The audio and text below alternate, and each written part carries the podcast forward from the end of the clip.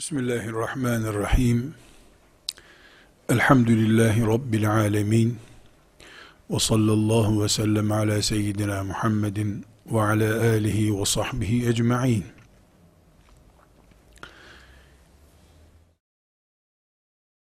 Hadis-i şerifleri ya da ayet-i kerimeleri yani nasları okuyup anlayıp amel ederken kısacası şeriatına bağlı bir Müslüman olarak yaşarken karşımıza bilhassa bu asırda yoğun bir şekilde çıkacak olan akıl ve hürriyet isimli bir problem vardır. aklı ve aklı kullanma hürriyetini hicretin ikinci asrından itibaren Müslümanlar karşılarında bir sorun olarak görmüşlerdir. Önceleri bir mutezile hareketi olarak ortaya çıktı. Daha sonraları inişler çıkışlarıyla kayboldu veya unutuldu, sümen altı denebilecek süreçler yaşadı. Bu asırda İslam toprağında büyük bir akılcılık ve sınırsız bir hürriyetle aklı kullanma sorunu demeyeceğim, afeti önümüze çıktı. Tam anlamıyla bir afet gibi şu anda karşımızda duruyor. İnsan kendisini yaratan Rabbine karşı Rabbinin yarattığı aklı silah olarak kullanıyor. İki tarafı da keskin bir silah gibi akla karşı olmak mümkün değil. Yani Müslüman insan akılsız hareket eden insandır dedirtecek bir tavır olamaz.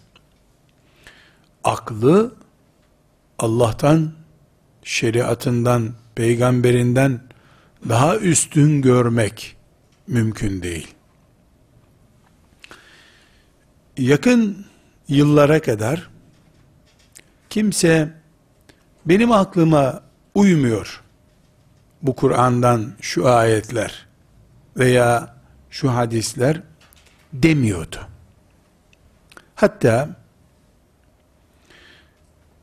Türkiye'de bir ilahiyat fakültesi, ilk kurulan ilahiyat fakültelerinden olma hasebiyle, bu çıkışı ile meşhurların bulunduğu bir fakülteydi. Diğer ilahiyat ekseninde eğitim yapan kurumlar, medreseler, bu fakülteyi ve mensuplarını, öğretim üyelerini net ifadelerle dışlıyorlar. Çağdaş mutezilenin adamları gibi yer yer bereketsiz dinlerinden, imanlarından şüphe edilir kimseler olarak görüyorlardı.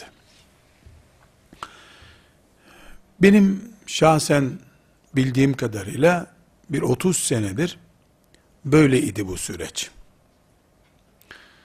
Şimdi görüyoruz ki o zaman sadece tek bir ilahiyat fakültesindeki 3-5 akademisyenin Kur'an'ı bile aklınla süzme cüreti bugün İmam Hatip talebelerinin bile cesaret edebileceği bir hastalık olarak yayılmıştır. Bana göre, anladığıma göre, zannettiğime göre sözü, değil bir ilahiyat fakültesinde 3-5 akademisyenin sorunu, yer bulmuş Müslümanların yeni elif cüzü öğrenmeye başlayan gençlerinin bile dilinde sakız olmuştur. İmam Hatip lisesinde okuyan talebenin bu tavrını da alimallah kabul edebilirdim belki. İlim talebesi, zekası gelişsin, matematik formülü çözer gibi bu konularla da uğraşsın. Sonunda inşallah e, iyi bir yola girer derdim belki. Belki derdim. Yani böyle bir şeyi de kabul edemiyorum ama hadi derdim. Subhanallah hayret ediyorum. Yani Subhanallah demekten başka bir teselli olacak cümle bulamıyorum. Kur'an-ı Kerim'den bir sahifeyi yarım saatte okuyamayacak kadar, Kur'an okumaktan bile, cuda yaşayan bir neslin, Allah'ın kitabında Peygamber aleyhisselamın hadislerinde cirit atabileceğini düşünmesi. Bu böyleymiş. Buhari'nin bu rivayetini nasıl kabul edeceğim diye soru sorana bakıyorum. Yani taharet sorununu hallettiğini zannetmiyorum henüz onun. Hala taharet sorunu yaşıyordur.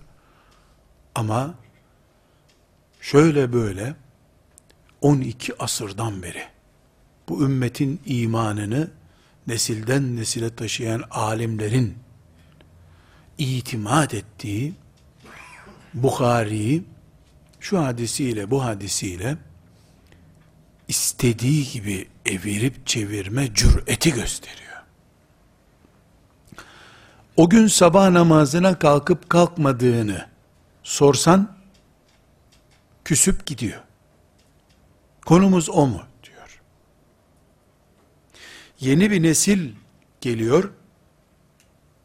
Biz topraklarımızı işgal eden, Mescid-i Aksa'mızı tahrip eden, Yahudi ile uğraşırken, Tevrat'la oynayan Yahudi kafası, yeni neslin kafası oluyor.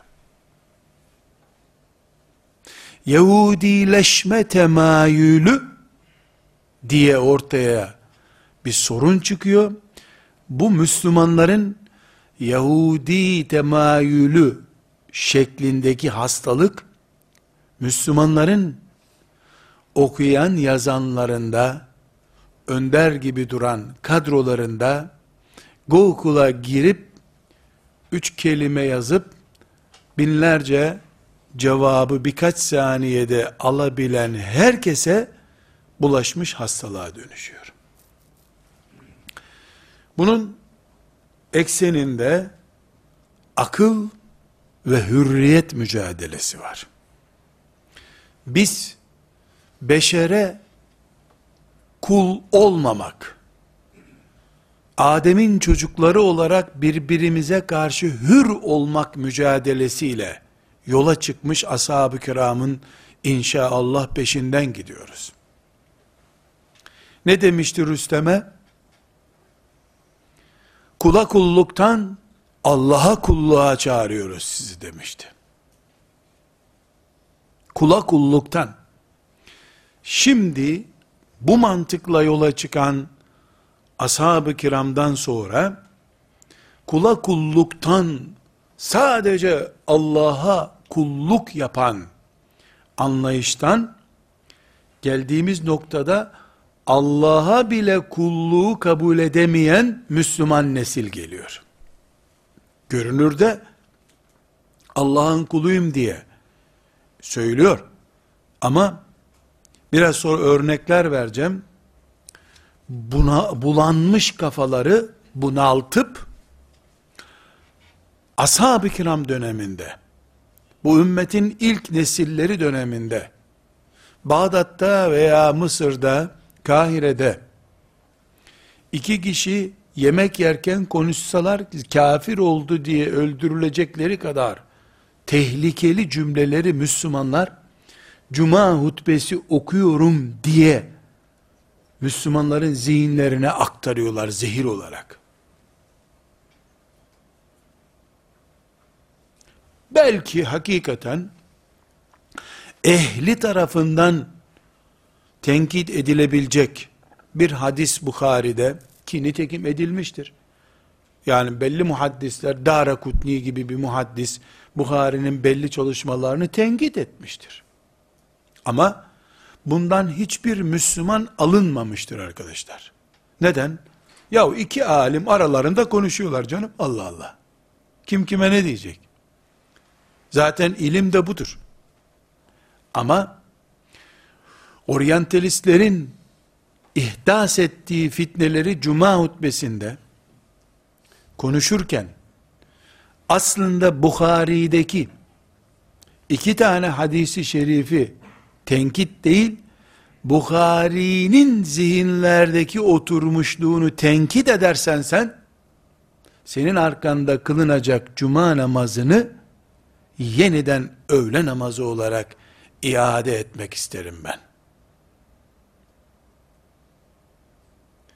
Velev ki Bukhari'deki o hadisi şerif senin aklına uymuyor olsa bile, onu tenkit etmene itiraz etmiyor olabilsem bile, Bukhari'yi salladığın zaman sabah namazımı da sallıyorsun benim.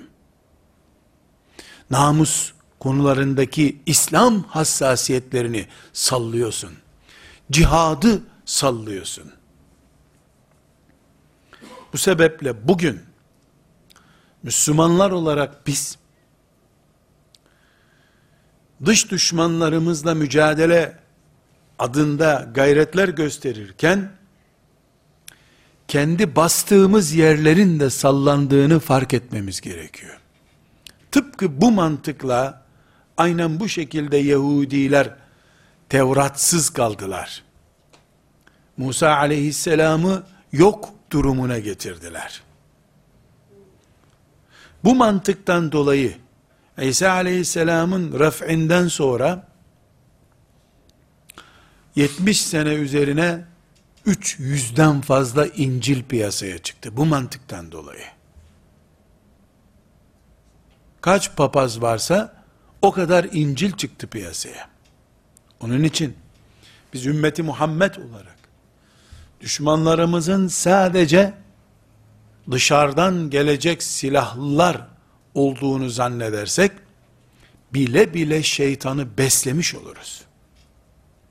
Şeytan için daha karlı, daha ucuz, daha yaygın düşmanlık aklımızı Allah'a karşı kullandırmasındadır. Aklımızı Allah'a karşı kullanma cüreti gösterdiğimiz an yapacak bir şey kalmamış demektir. Bunun için biz akıl ve hürriyet konusunda aklın sınırları diye kırmızı çizgilerle çizdiğimiz bir alan kurmak zorundayız kardeşler. Aksi takdirde isteyenin istediği gibi konuştuğu toplum İslam toplumu değildir. Sadece sadece çok dikkatli anlaşılması için bir örnek zikredeceğim. Bakınız. İsrailiyat diye bir başlık vardır. İsrailiyat bizden önceki ümmetlere ait bize aktarılmış din bilgisi demektir. Eğer bu bilgiler bize Resulullah sallallahu aleyhi ve sellemin lisanından veya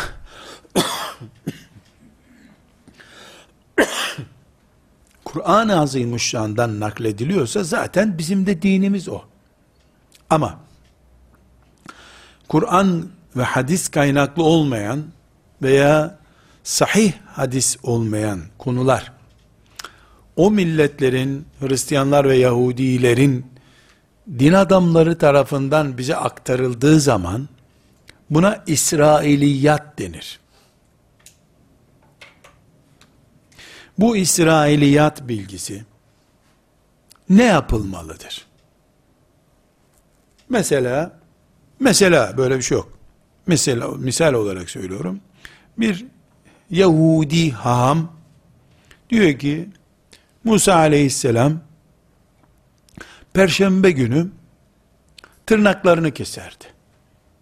Mesela böyle bir bilgi yok. Biz ne zaman tırnağımızı keseceğimizi peygamberimizden öğrendik. Bu İsrailiyata ait bu bilgiyi mesela böyle bir bilgiyi ne yapalım? Soru. Bu bizi dinen bağlamıyor. Çünkü Kur'an'ımızda yok, hadis-i şerifte yok. Ama Aşura gününü oruç tuttuğunu Efendimiz sallallahu aleyhi ve sellem haber veriyor. Biz iki gün tutalım, onları geçelim buyuruyor. Benzemeyelim onlara diyor. Dolayısıyla bize ait oldu bu bilgi. Bizim filtremizden geliyor. Ama öbürü, Perşembe günü tırnak keserdi Musa sözü, bize ulaştığı kaynak itibariyle, bizim kaynaklarımız değil. İsrailiyattan bu. Bunu ne yapalım? Ya baş, boş ver senin peygamberinden ne zaman keserse kessin mi diyelim? E koca ulul azm peygamberlerden birisi niye biz buna uymayalım mı diyelim? Cevap Peygamber aleyhisselam efendimiz şeriatımız bize ne ölçü koyuyor? Ne yalanlayın ne doğrulayın diyor. Size ne? Uygulamak zorunda olmadığına göre irdelemek hakkında da değilsin. Burada şunu tespit etmek, tekit etmek istiyorum. Müslüman olarak ben İsrailiyat gibi beni dinen bağlanmayan bir konuda bile akıl yürütmekten men ediliyorum. Neden? Ya doğruysa Musa Aleyhisselam'ın Perşembe günü hakikaten tırnağını kestiği. Niye bir peygamberi karşına alacaksın ki durup dururken? Doğru değilse boşuna niye onunla meşgul olacaksın? Seni bağlamıyor zaten. Bugün geldiğimiz bu noktada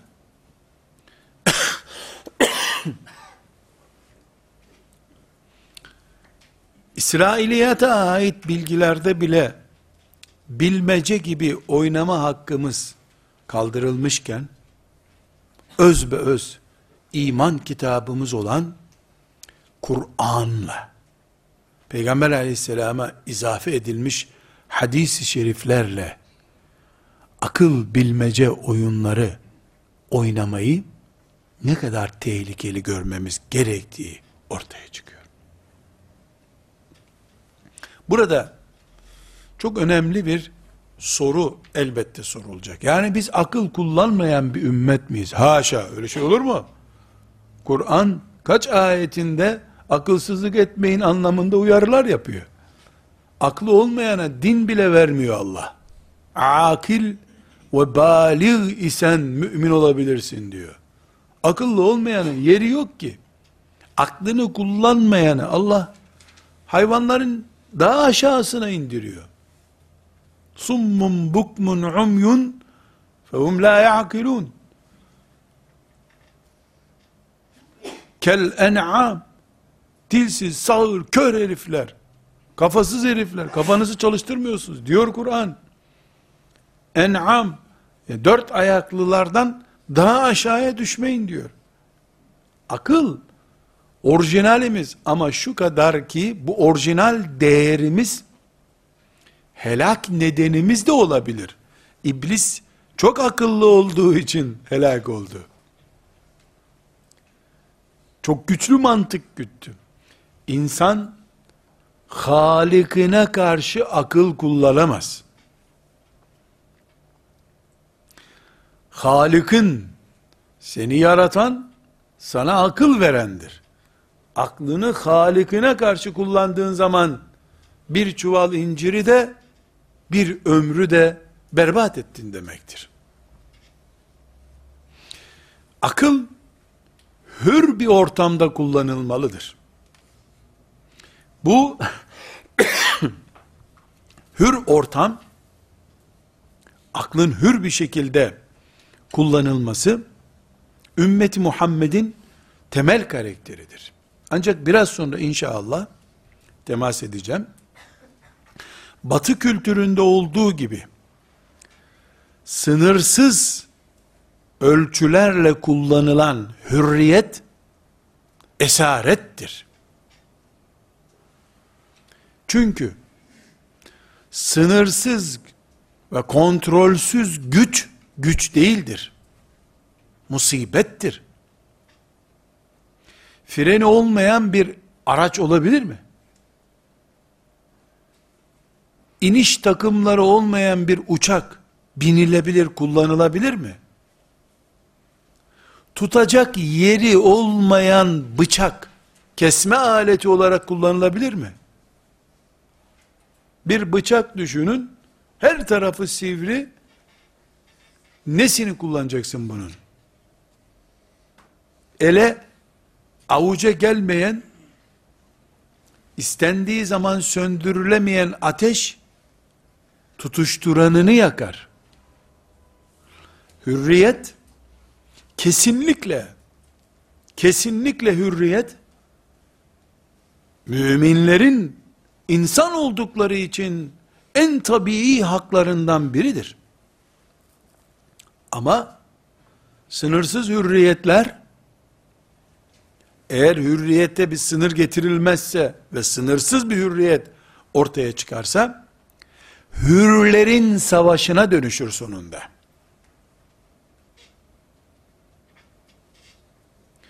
Hürriyetler sınırsızlaştığında birbirlerinin yani hür, hür insanların birbirlerinin dövüşüyle sonuçlanır. Onun için şeriatımız tam anlamıyla bir hürriyet yumağıdır. Çünkü Allah'a ve Allah'ın şeriatına değinceye kadar herkes hürdür. Kimse kimseye kul değildir.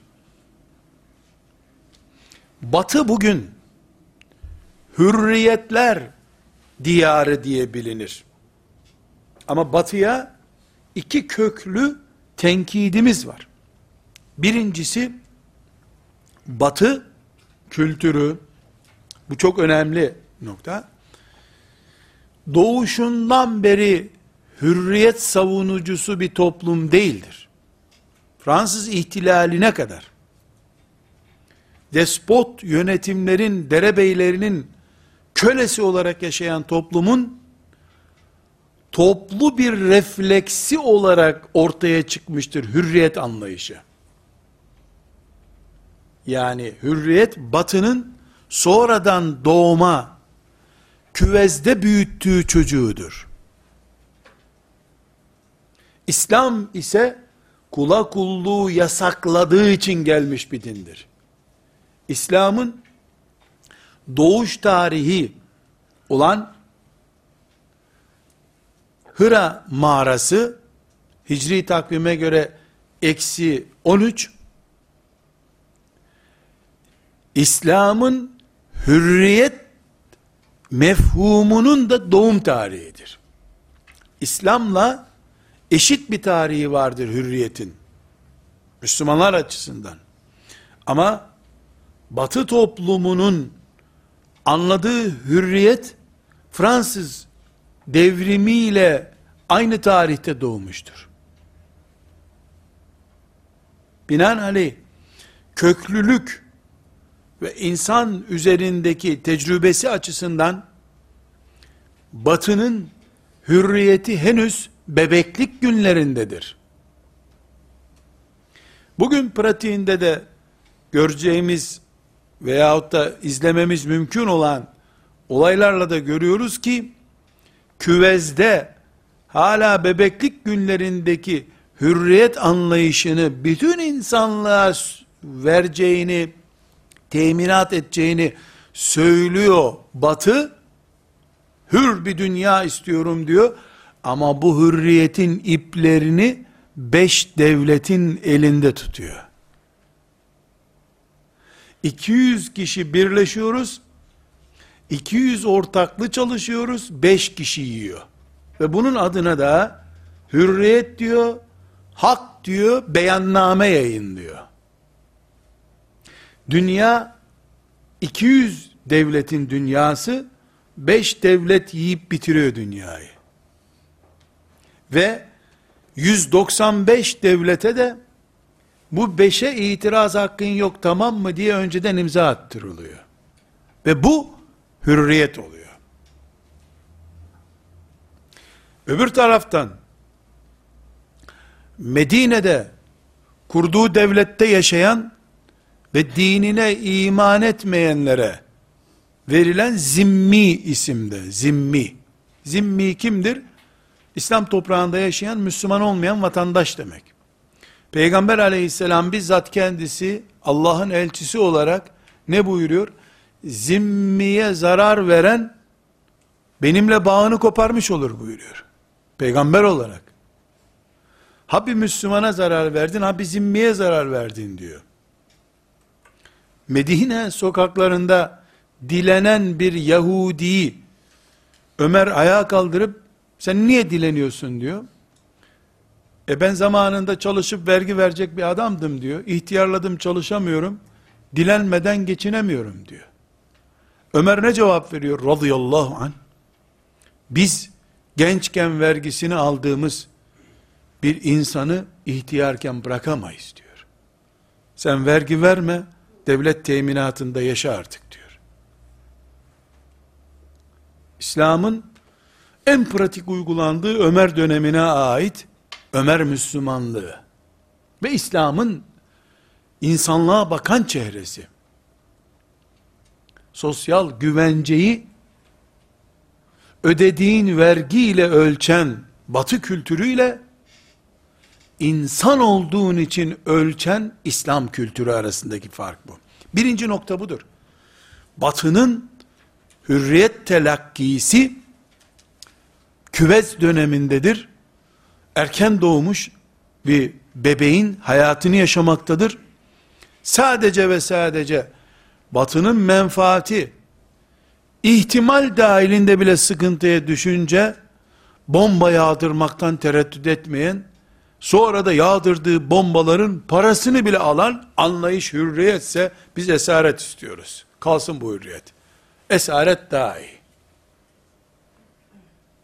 E filanca genç Heidi Park'ta istediği gibi konuşuyormuş İngiltere'de. Elbette bir park kurarsın. O parkta herkes serbest. Kraliçeye bile sövebilirsin diye kural getirirsin. Boşalmak isteyen herkes oraya gelir. Zübbe kılığında da 5-10 istihbaratçı getirirsin oraya. Kim nerede ne konuşuyor, akşam örgütlerde ne konuşuluyor, bunu takip etmek için de kendine bir istihbarat toplama merkezi olarak bir park kurarsın Londra'da. Buna da hürriyet diye bütün insanlığı inandırırsın. Batının çift demeyeceğim, yüzlerce yüzünden bir yüzüdür bu sadece. İslam ise hürriyet için geldiğini ilan eden, hiçbir insanın başka bir insana kul olmasına izin vermemek için yeryüzüne geldiğini söyleyen dinin adıdır. İkinci itirazımız batıyla batının hürriyet telakkisi ile İslam şeriatının hürriyet telakkisi arasındaki ikinci temel farkımız kardeşlerim Batı kültürü hürriyet iddiasındadır. Ama sanayi ve zenginlik yayıldıkça hürriyet yayılır batıda.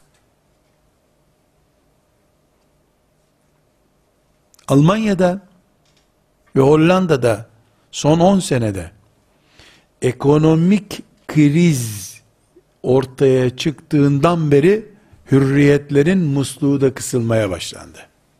Çünkü batı kültürünün hürriyeti daha çok moda üretmek, daha çok dergi satmak, daha çok kapital unsurlar üretmek için zenginlerin ikramıdır.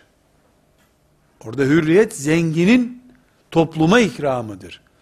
Zenginin keyfi bozulduğu yerde hürriyet yoktur batıda. Şükürler olsun ki Rabbimiz bu fani dünyadan ayrılmadan batının bu çehresini bize göstermiştir. Hani Müslüman olmayana hürriyet vermezler filan bu konuya girmiyorum. Kendi içlerinde bile hürriyet dedikleri şey zenginin çiftliğinin büyümesine yardım eden şeydir. Şeriatımızın dediği hürriyet ise Allah'ın kullarına inamıdır. Bir nimettir yani. Allah'ın lütfudur. Çünkü Allah kullarının hiçbir şeyine muhtaç olmadan verdiği için sınırsız bir hürriyet vermiştir. Ama batının hürriyet dediği şey önce derebeyliklerini yıkabilmek, kraliyetleri çökertebilmek, yeni bir dünya sistemi oluşturmak için açtığı bir okyanustu.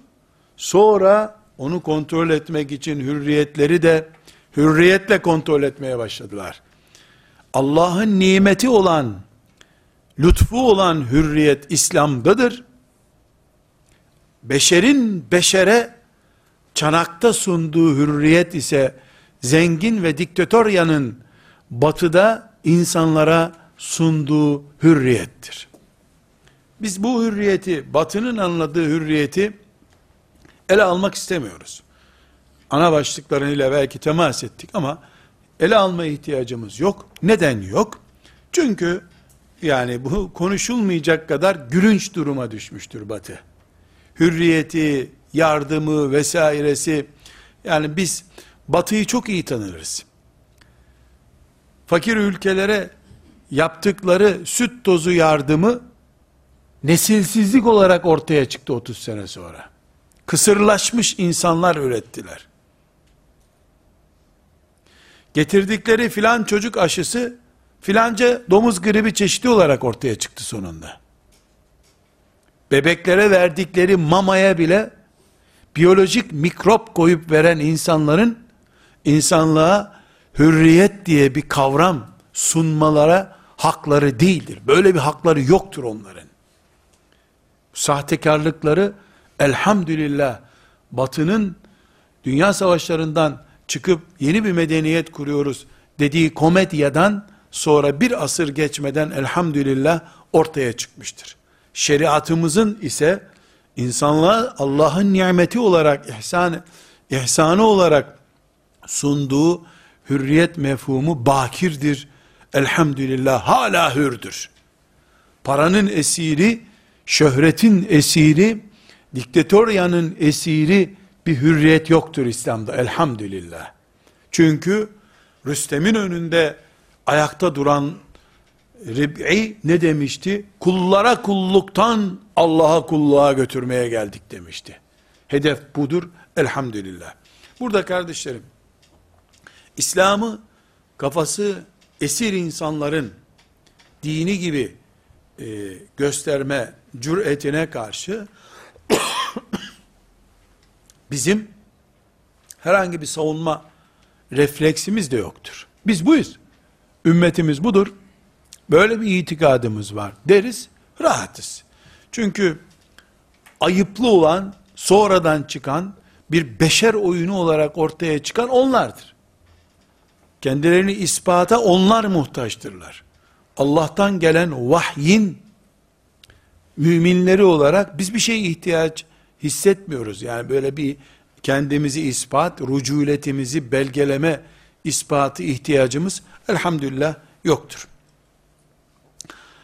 Buna rağmen hürriyetin hürriyet mefhumunun Müslümancasını konuşabiliriz. Yani bir akademisyen veya e, sarıklı bir hoca efendi veya Müslüman bir genç Twitter'ında e, mesaj yazan bir hanımefendi hürriyetine sahip değil midir? Elbette sahiptir. Ne demek? Bir sınırlama olamaz. kullar olarak biz birbirimize hürriyetimizi engelleyici şeyler getiremeyiz. Ama Rabbimizin yaratan Halıkımız olarak şeriatımız diye bize sunmuş olduğu, getirmiş olduğu dinini ölçü kabul ederiz. Bu din bir grup insanın öbür grup insana hegemonyası değildir. Allah'ın önünde kulluğumuzun ilkelerini oluşturuyor dinimiz. Binaenaleyh Müslümanlar olarak biz hürüz. Hür akıllı insanlarız. Hürriyetimiz yüzde yüz elhamdülillah elimizdedir. Ama bunun bir kullanma şartnamesi, kılavuzu da vardır. Sınırsız hürriyet ne dedik? Hürriyet değildir ki. Hürriyetlerin savaşının zeminidir. Sınırsız tutulduğu zaman. Şimdi 2009 yılında İslam Fıkıh Konseyi'nin yani o konseye katılan alimlerin derleyip toparladığı akıl ve hürriyet mefhumunun İslamca çizilmiş ilkelerini kısaca burada aktarmak istiyorum. Böylece bir Müslüman olarak biz hürüz, konuşuruz, yazarız, eylem yaparız. Bu hürriyetimizi kimse engellemez. İslam toplumundan söz ediyorum. Tabii ki e, Müslüman 10, 20, 30 Müslüman bir aradalar. Sistemleri İslam sistemi değil, başka bir sistemle şu ile bu ile idare ediliyorlar. Elbette o farklı bir şey. Ama Ömer bin Hattab radıyallahu anh'ın yönettiği, o mantığın yönettiği bir İslam devletinde Müslüman hürdür. Bu hürriyetinin elbette sınırları vardır. Bu sınırlar beşer çizgileriyle çizilmiş sınırlar değildir.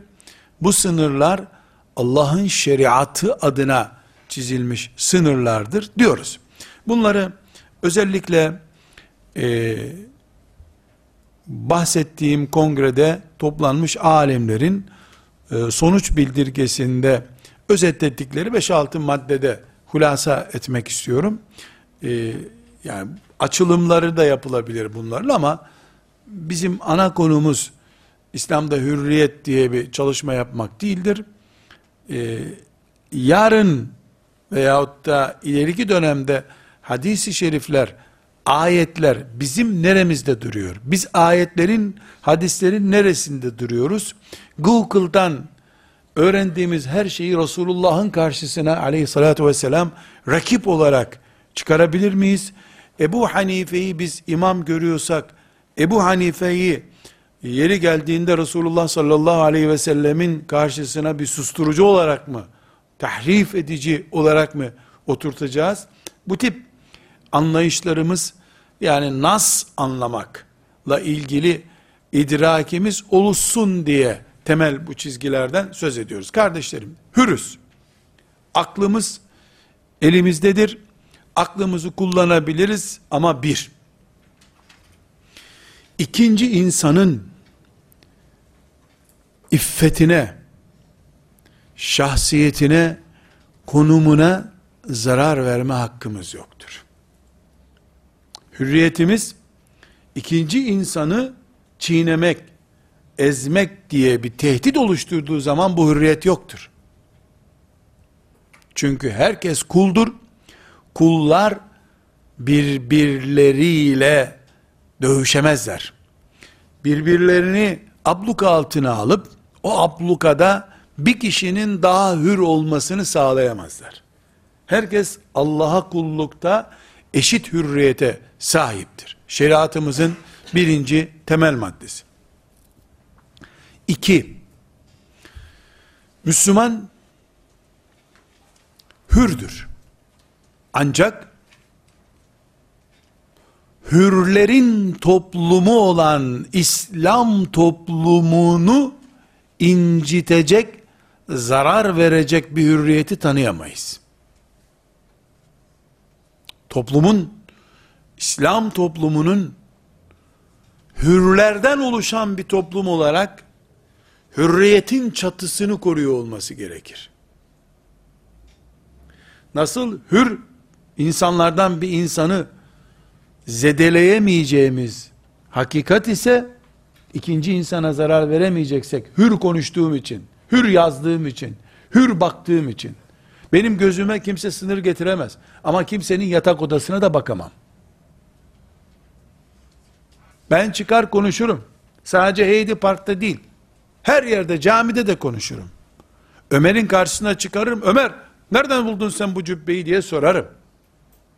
Ama Ömer'in üzerinde bir zarar oluşturacaksa ve bunu ispat edemediğim zaman cezasını çekerim. Öyle Müslümanın onurunu kırmak yok. Müslümanın değerini, primini düşürmek yok toplumda. Bu hürlerden oluşmuş İslam toplumunun kendisinin de koruma altında olması gerekiyor. Ümmeti Muhammed'in toplumunu yolsuzluk yapılan bir toplum gibi lanse edeceğin e, konuşman hürriyet alanında değildir senin. Ümmeti Muhammed'in kültürünü zedeleyeceğin bir konuşma yapamazsın. Ümmeti Muhammed'i Emevi dönemini ayıplıyorum derken kullandığın uslup yüzünden peygamberiyle 100 senelik bağının kopuk olduğu bir ümmet haline getiremezsin. Sırf sen heyecanlı konuşma yapacaksın diye Abbasi saraylarının fuhuşhanede olmayacak kadar kötü sahnelerle dolu olduğunu, başka hiçbir şeyin olmadığını anlatıp ümmeti Muhammed'i geçmişinden utanacak bir ümmet haline getiremez. Ümmetin temeli korunmalıdır. Burada bu ikinci ölçüde arkadaşlar daha önce farklı zamanlarda dinlediğimiz İmam Bukhari'nin ve Tirmizi'nin rivayet ettiği bir hadis-i şerif var. Hadis-i şerifi biliyorsunuz. Bir zamanlar e, vakfın girişinde büyük bir tabela olarak duruyordu. E, meşhur şu, geminin üst katı ve alt katında kura çekerek yerleşenler örneği Efendimiz sallallahu aleyhi ve sellemin. Ne buyuruyordu? Bir grup insan gemide yolculuk yapacaklar. Geminin güvertesi var ve bir de alt katı var. Kameralar var alt katta. İşte 50 tane yolcu güvertede yolculuk yapıyorlar. 50 tane yolcu da altta yolculuk yapıyorlar. Güvertedekiler güneşi görüyor. Su istedikleri zaman kovayı salıp su alıyorlar denizden, balık tutuyorlar. Aşağıda kalanlar diyorlar ki yahu e bu yukarıdakiler balık tutuyor biz burada karanlık odalarda oturuyoruz. Şurayı delelim de biz de buradan su alalım içeri balık tutarız diyorlar. E şimdi gemiyi alttan delerlerse içeri balık alacaklar, su alacaklar ama gemi batacak. Efendimiz buyuruyor ki üstteki yolcular biz delmiyoruz ki gemiyi alttakiler deliyor derseler alttakiler de üsttekiler de batacak. Kardeşim bu gemide biz de yolcuyuz. Siz altı delerseniz üstten biz de batacağız, siz de batacaksınız. Delemezsiniz bu gemiyi derlerse hem kurtulurlar hem onları da kurtarırlar. Gelin suyu biz yukarıdan veririz size. Yeter ki gemiyi delmeyin demeleri lazım diyor. Ümmeti Muhammed'in İslam toplumu olarak dayanışmasını simgeleyen muhteşem bir belaatı Efendimiz sallallahu aleyhi ve sellemin. Bu hadis-i şerifi Bukhari'de 2493. hadis-i şerif olarak, Tirmiz'de de 2173. hadis-i şerif olarak muhakkak inceleyelim arkadaşlar. Bugün ümmeti Muhammed'in gençlerinin sapıklıklarını Diyanetin hocalarına, çocuklarının yetişmesini de öğretmenlere, uyuşturucu kullananları da e, narkotik şubedeki polislere, taşımacılığı da belediyeciliğe havale edip, evinde tesbih çeken Müslümanlar, kıyamet günü bu hadisi şerifi duyup duymadıklarını cevaplandıracaklardır. Gemi, alttan değil her yerinden delindi. Burnu bile koptu geminin. Hala e bizim vazifemiz değil canım. Deyip her sene umreye gidip beş senede bir de kasap kadrosundan haç yapıp cennetteki özel köşkünü hazırlatanlar, bu gemi delinirken neredeydin sorusuna cevap vereceklerdir. Sadece okumuş olduğunu, çok bilmiş olduğunu anlatmak için 3 sene 4 sene yazıp çizdiği doktora tezinden e, mucizeler üretip kabir azabı nereden olacak kim dayak yemiş kabirde diyenler bu gemiyi deliyorlar. Saf saf gidip onu dinleyip ya böyle dedi o hadislerden de şüphe etmeye başladım diyenler de saf Müslüman olarak gemi delinirken seyretme suçundan tutuklanacaklar. İslam hürriyeti Allah'ın nimeti olarak kullandırtmıştır. Ama bu hürriyet tutacak yeri olmayan bir bıçak değildir. Söndürülemez bir ateş gibi yakılamaz. Bu şekilde ümmeti Muhammed'i zarara sokanlar yarın Rablerinin huzurunda hesap vereceklerdir. Gemi deliniyor çünkü. Bizim doktora tezimiz var diye ileri geri konuşamayız. Bir yerde konuşmak için gitmiştim. Ee, kürsüye çıkmadan görevli arkadaş dedi ki, hocam dedi, seni dinleyecek hiç kafa yok dedi. Geçen hafta birisini çağırdık dedi. Adam bize öyle bir şeyler anlattı ki yani Müslümanlığımızdan neredeyse şüphe edeceğiz. Sen önce bunu düzelt sonra anlat dedi. Nedir konu dedim. Ya adam geldi iki buçuk saat dedi burada. Adem aleyhisselamın yaratıldığı cennet bizim gideceğimiz cennet değildir. O Adem'in de bizim babamız olup olmadığı belli değil. Orada başka bir Adem vardı. Buraya başka ışınlandı. Böyle bir şeyler anlattı dedi. 50-60 tane ayet okudu dedi. Hocalar sustular. Cami imamları vardı. Onlar sustu. Ben anlamıyorum bundan dediler. Adem'in yaratıldığı toprak işte killi miydi, kilsiz miydi? Adem'in boyu ne kadardı? Adem'in boyu şu kadar uzundu. Cennetin demek ki evlerinin tavanı şu kadar mesafe. Böyle alabora etmiş zihinleri. Yani insanlar biz kimin çocuğuyuz dedi. Az kalsın Darwin haklı çıkacaktı bizde dedi. Öyle bir durum oldu. Bunu düzelt önce dedi. Orada bir güzel cevap verdim ben. Ne düzelteceğim kardeşim? Ben dirilere ve akıllılara konuşmaya geldim dedim. Eğer sizin imanınız birisinin doktora tezini doldurmak için araştırıp karıştırdığı tarih bilgileriyle karışacak kadar kafaysa ben size ne anlatayım dedim ya. Şimdi hürüz. Doktora tezi çalışmakta da hürüz. Bu hürlerin oluşturduğu Allah'tan başkasına kulluk yapmayacak mantıklı insanların oluşturduğu İslam toplumunun çatısını sarsamayız. Kiremitlerle oynayıp içeri su damlamasına sebep olamayız. Böyle bir hürriyet yoktur. Yazıklar olsun senin harcadığın yıllara da tez diye yazdığın karalamaya da. Tevrat'ı tahrif edenler de o tezleri yazmışlardı. Biz tez de yazarız, yazalım ama ümmetimizin çatısındaki kiremitleri oynatıp kar ve yağmur sularını e, çatımızdan içeri damlatacak kadar da saf olamayız. Ve üçüncü hürriyetimizi belgeleyen ya da bize hürriyet kuralları getiren üçüncü ilkemiz bizim kullandığımız hürriyetimiz meşru bir yöntemle kullanılmalıdır. Temel haklardan birisi bizim hürriyet hakkımızdır. Ama yasal olmayan diyeyim, daha iyi anlaşılsın. Buna gayri meşru diyoruz yasal olmayana. Gayri meşru bir yöntemle meşru bir hak kullanılamaz. Kurallardan biri şudur şeriatta. Gayri meşru bir şey ile meşruluk sağlanamaz.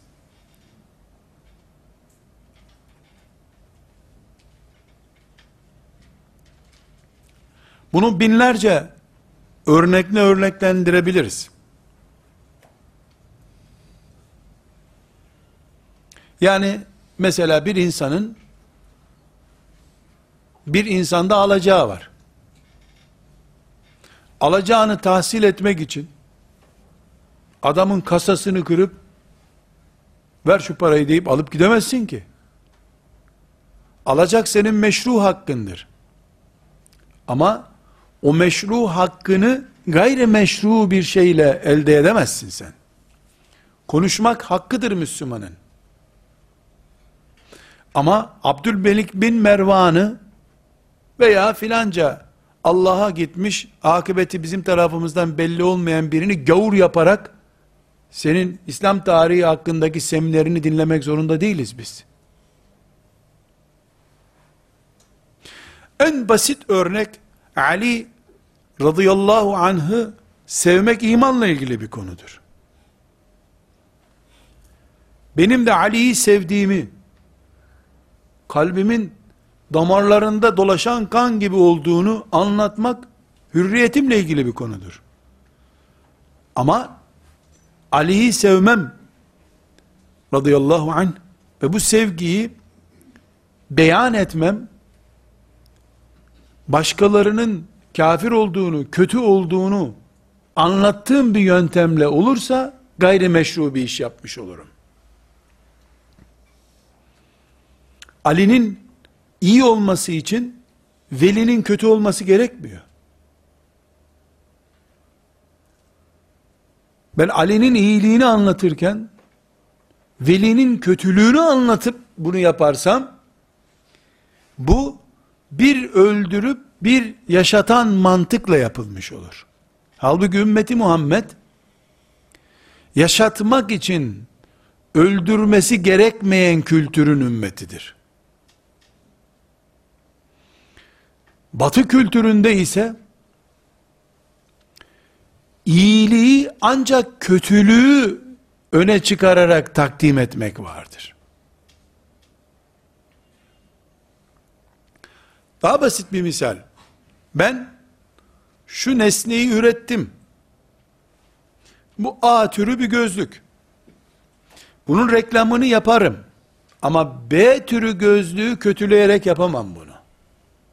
Gayri meşru bir yöntem olmuş olur. Bunu fıkıh meselelerine, siyasete, ziraate, ticarete hepsini uyarlayabilirim. Ebu Hanife fıkhın babasıdır. Ama Ebu Hanife peygamber değildir. Ebu Hanife'nin rahmetullahi aleyh söylediği bir söze itiraz etmek kıyamete kadar bütün Müslümanların hakkıdır. Talebelerine o hakkı kendisi verdi zaten. Ama ben Ebu Hanife'yi kötüleyip kanaatimi kullanamam. Onu olduğu yerde bırakarım, ümmetimin hafızasına bırakarım, doğru bildiğimi söylerim eğer ben de onun gibi bir imamsam. Binlerce örneğe girip konuyu daraltmıyorum.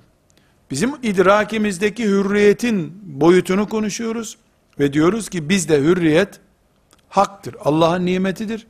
Birisine zarar vermemek şartıyla. İki, ümmetin büyük çatısını kiremitleriyle oynayarak bozmamak şartıyla. Üç, ben gayri meşru bir işle meşru bir şey beyan edemem. Daha rahat konuşmak için uyuşturucu alıp konuşmak gibi bir şey olur bu. Dördüncüsü,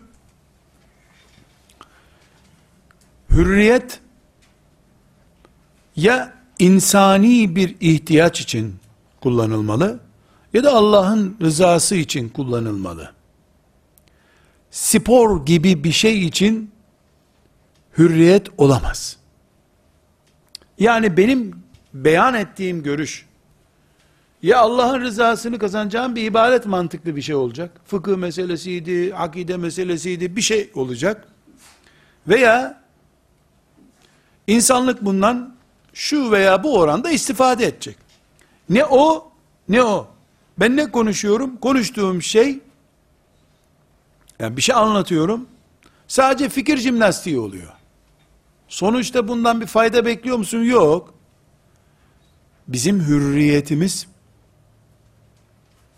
eğlence konusu yapılabilecek bir alan değildir. Konuşurken, yazarken eğlence yapamayız. Bunun için bir roman yazarı cinsel sapıklığı yazdığı zaman onu İslam hürriyet, yazma hürriyeti alanında görmez. Ama cinsel eğitim verilebilir. İnsanlığa yararı var bunun çünkü. Sadece gençler senin kitabını daha fazla alsın diye cinsel sapıklığı teşhir edemezsin. Misal olsun diye bunu konuştuk. Ve beşinci özelliğimiz,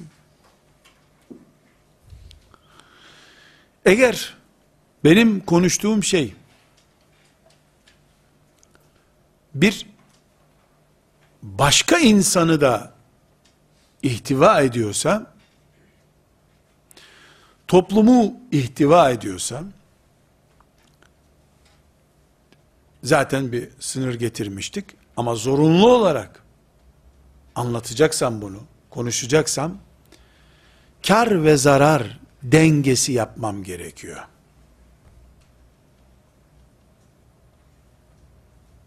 Çok basit bir misal. Bir toplumda trafik kazaları çok oluyor. Veya uyuşturucu çok oluyor. Ya da kız kaçırma diye bir afet oluyor. Bir Müslüman olarak oturup bunu konuşacağız tabi. Trafik kazası oluyor diyeceğiz. Kız kaçırılıyor diyeceğiz. Uyuşturucu kullanılıyor diyeceğiz. Bir denge üzerinden yapmazsak bunu, 3 saat oturup kız kaçırılıyor, kız kaçırılıyor dersek, kaçmayan kızları da kaçmaya teşvik etmiş oluruz. Bugün ülkemizde trafik kazaları son yıllarda azaltıldı. Bilhassa 80, 90, 2000'e doğru olan dönemde trafik kazaları o kadar medyada kötü bir şekilde kullanılıyordu ki sonunda şu noktaya gelindi. Zannediyorum devletin üst kademeleri de bu konuya dikkat ettiler de medyaya bir çeki, düzen verildi. Hala bir kaza yapmadın ne biçim vatandaşsın diyecek hale getirdiler insanları.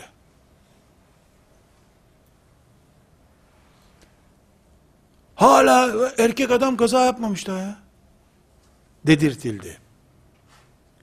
Anadolu'da kahvelerde babasına şöyle yapanı şurada vurdu hikayeleri anlatıla anlatıla ne kültürü oluştu? Kan davası kültürü oluştu. Niye kan davası büyük şehirlerde olmuyor? Büyük şehirlerde kahvede gelip adam babasının katilini nasıl öldürdüğünü anlatacak kimse bulamıyor. Ama köyde, kasabada geçiyordu var ya bakkala giderken serdim yere diye bir başlıyor anlatmaya. Önce ne yaptın lan filan hapse. Babam için 70 sene hapis yatarım. Helal olsun. Dedirte dedirte bu ekmek peynir satın alma kültürü gibi aşağılara indirildi. Nur suresinin 19. ayeti buna sınır getiriyor. İnnellezîne yuhibbûne en teşî'al fâhişetü fillezîne âmenû. İman edenlerin arasında yani mümin toplumda çirkin şeylerin yayılması yönünde arzusu olanlar var ya lehum azabun elimun fid dünya vel ahire. Dünyada ve ahirette onların elim bir azabı olacaktır. Müminler içlerinde bulunmasını istemedikleri çirkinlikleri gündem olarak da kullanmazlar. Bu da beşinci kuralımız. Altıncı kuralımız, başkalarına yönelik beyanda bulunanlar hürdürler. Ama bu beyanı reddedilemeyecek belgeye dayandırmak zorundadırlar. Aksi takdirde Hucurat suresi fasıklıkla itham ettiği bir noktaya koymaktadır. belgeleyi konuşmayanlar. Bu belge de gazetede gördüm, internette çıktı belgesi değil herhalde. İnternet bir belge çeşidi değildir. Yeri geliyor, noter bile belge çeşidi değildir. Yani belge olaya ve konuya göre çeşitlilik arz edecek bir konuda olmalı. Ve Allah'ın verdiği hürriyet nimeti, yedinci e, kural, Allah'ın verdiği hürriyet nimeti hiçbir şekilde Allah'ın dinini teşviş, bozmak, tahrif etmek için kullanılamaz. Hiç kimse kabir azabı yoktur deme hürriyetine sahip değildir. Dilin kurusun diye her namazdan sonra dua ederiz biz. Senin aklın kabir azabını almıyor olabilir. Bizim ödümüz patlıyor. Deriz sana biz. Ve sekizinci temel kural, Müslümanların birliği en mukaddes değerlerindendir. Müslümanların içinde tefrika çıkaracak, 10 sene sonra da olsa tefrika çıkaracak hiçbir söz hürriyet alanında değildir. Hiçbir söz. Evet, hürriyetle ilgili tespitlerimize devam edeceğiz inşallah. Aklın sınırlarını daha rahat konuşabilmek için. Ve sallallahu ve sellem ala seyyidina Muhammed ve ala alihi ve sahbihi ecma'in velhamdülillahi rabbil alemin.